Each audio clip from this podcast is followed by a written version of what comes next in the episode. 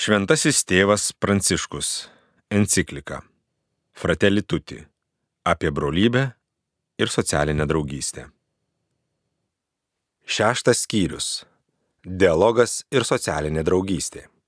Priartėti vienas prie kito, išsakyti savo nuomonę, išklausyti vienas kitą, pažvelgti vienas į kitą, pažinti vienas kitą, bandyti suprasti vienas kitą, ieškoti sąlyčio taškų Visą tai telpa žodyje dialogas. Kad galėtume susitikti ir padėti vieni kitiems, turime užmėgsti dialogą. Savaime suprantama, kam skirtas dialogas. Tik pagalvokite, kaip atrodytų pasaulis be kantraus daugybės didžiadvasių žmonių dialogo, per kurį jie išsaugojo šeimas ir bendruomenės.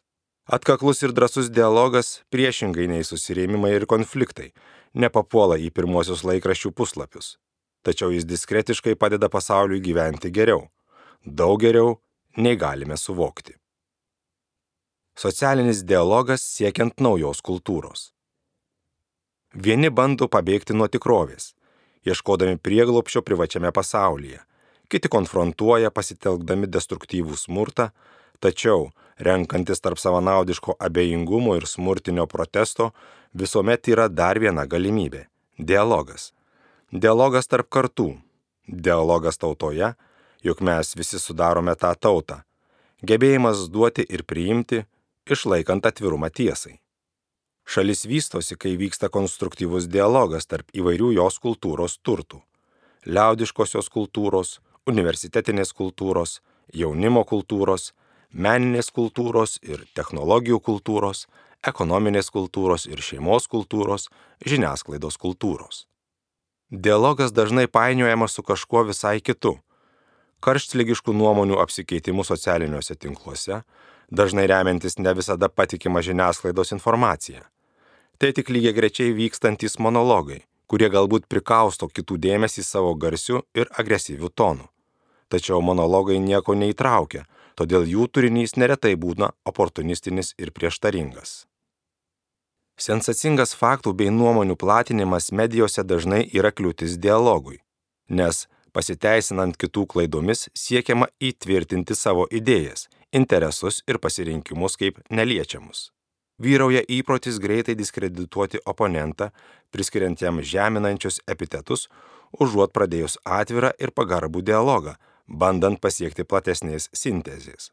Blogiausia, kad ši kalba kuri paprastai reiškiasi medijose per politinės kompanijas, įsismelkė taip, kad dabar visi ją vartoja kasdien.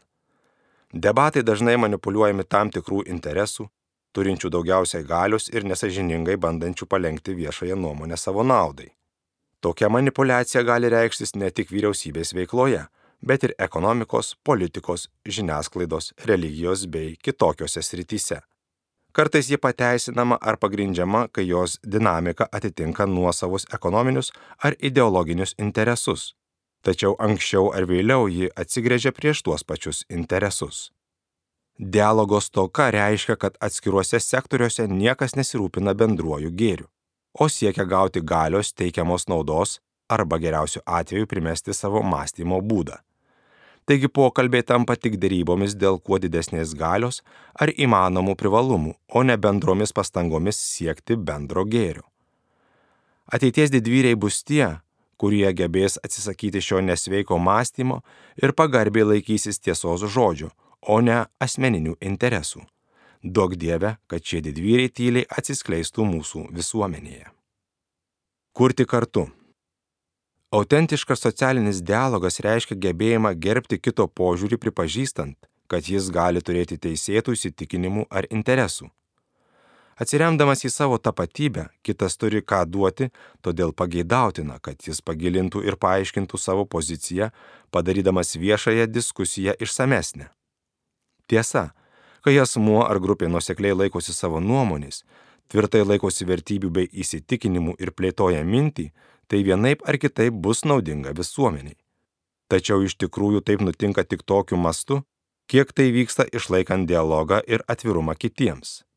Iš tiesų, tikroji dialogo dvasia maitina žmogaus gebėjimą suprasti kito žmogaus žodžių ir veiksmų prasme, net jeigu jis negali jos paversti savo įsitikinimu. Tampa įmanoma būti nuoširdiems, neslėpti to, kuo tikime, nenustoti dalyvauti dialoge, ieškoti sąlyčio taškų, o svarbiausia - drauge dirbti ir stengtis.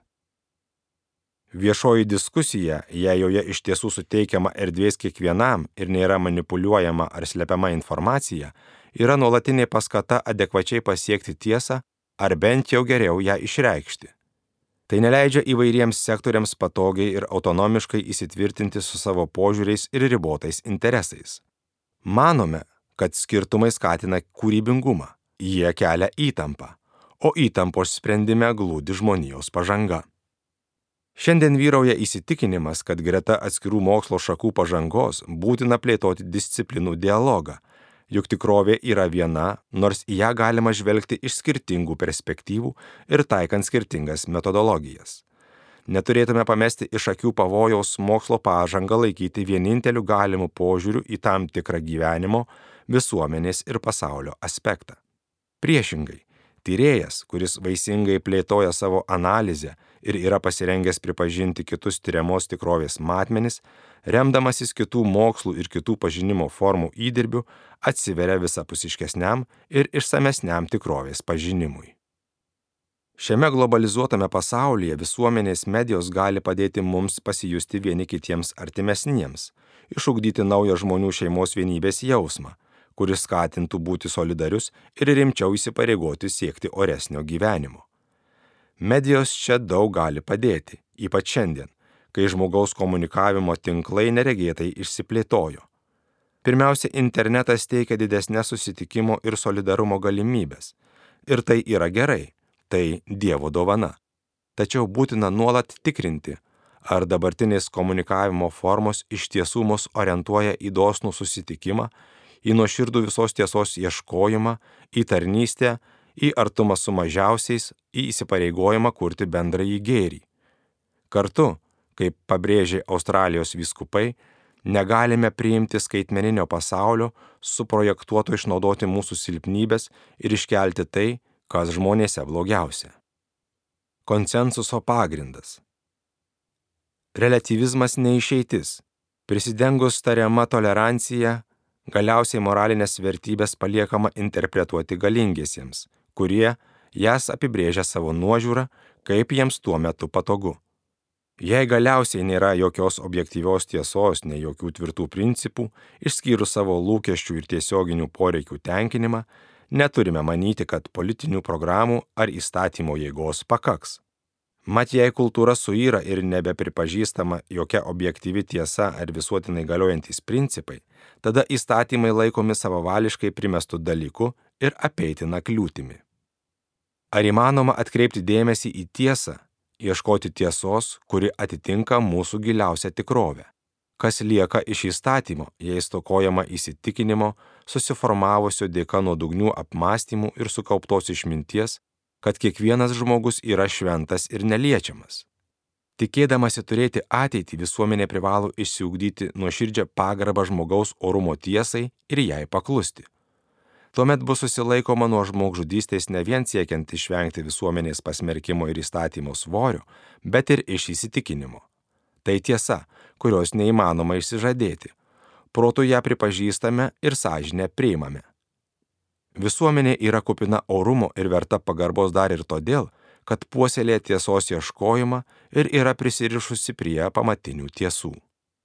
Būtina įgusti demaskuoti įvairius būdus, kaip tiesa manipuliuojama, kaip ji iškraipoma ir nuslepiama viešajame ir privačiame gyvenime.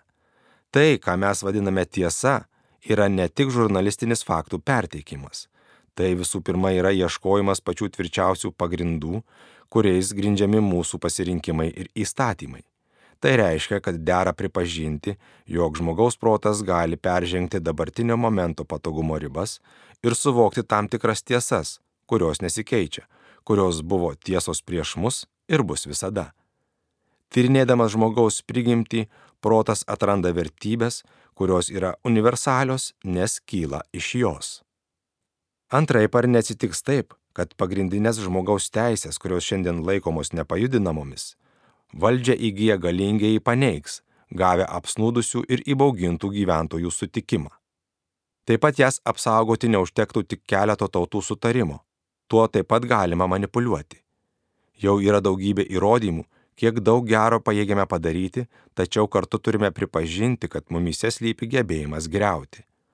Ar abejingas ir betodairiškas individualizmas, iki kurio esame nusiritę, nėra ir tingėjimo ieškoti aukštesnių vertybių, peržengiančių momentinius poreikius padarinys. Prie relativizmo prisideda ir rizika, kad galingiausiems ir sumaniausiems pavyks primesti tariamą tiesą. Priešingai, vidinį blogį draudžiančių moralės normų atžvilgių niekam neteikiamos nei privilegijos, nei išimtys. Kad ir kas būtume, ar pasaulio valdovas, ar paskutinis varguolis, visi esame lygus prieš moralės reikalavimus. Tai, kas šiandien vyksta su mumis, kas įtraukia mus į iškreiptą ir tuščią logiką, yra etikos bei politikos prilyginimas fizikai. Nėra nei gėrio, nei blogio kaip tokio, vien privalumų ir trūkumų pusiausvyra. Moralinio proto išstumimas lėmė, kad teisė nebegali remtis pamatinę teisingumo sampratą, o veikiau tampa vyraujančių idėjų veidrodžių. Čia prasideda nuosmukis, žemyn vedanti niveliacija per paviršutinišką ir kompromisinį sutarimą. Tad galiausiai triumfuoja jėgos logika. Konsensusas ir tiesa. Pluralistinėje visuomenėje dialogas yra tinkamiausias būdas pasiekti, kad būtų pripažinta tai, kas visada turi būti patvirtinta ir gerbiama ir kas pranoksta atsitiktinį sutarimą. Kalbame apie dialogą, kurį būtinai turėtų praturtinti bei nuskaidrinti motivacija, racionalūs argumentai, įvairios perspektyvos, skirtingų žinių ir požiūrių indėlis ir kuris neatmeta įsitikinimo, jog įmanoma pasiekti tam tikras pamatinės tiesas, kurių reikia ir visada reikės laikytis. Pripažinimas, kad egzistuoja tam tikros pastovios vertybės, net jei ne visada lengva jas atpažinti, suteikia socialiniai etikai tvirtumo ir stabilumo. Net ir tada, kai jas pripažįstame ir perimame pasitelkdami dialogą ir konsensusą, matome, kad šios pagrindinės vertybės viršė bet kokį sutarimą, pripažįstame jas kaip vertybės, kurios peržengia mūsų konteksto ribas ir kurios niekada negali būti dėrybų objektu. Mes galime vis geriau suprasti jų reikšmę ir svarbą, ir šią prasme sutarimas yra dinamiška tikrovė. Tačiau pačios savaime jos yra vertinamos kaip stabilios dėl savo prigimtinės prasmės. Skaitė Remigijus Endriukaitis.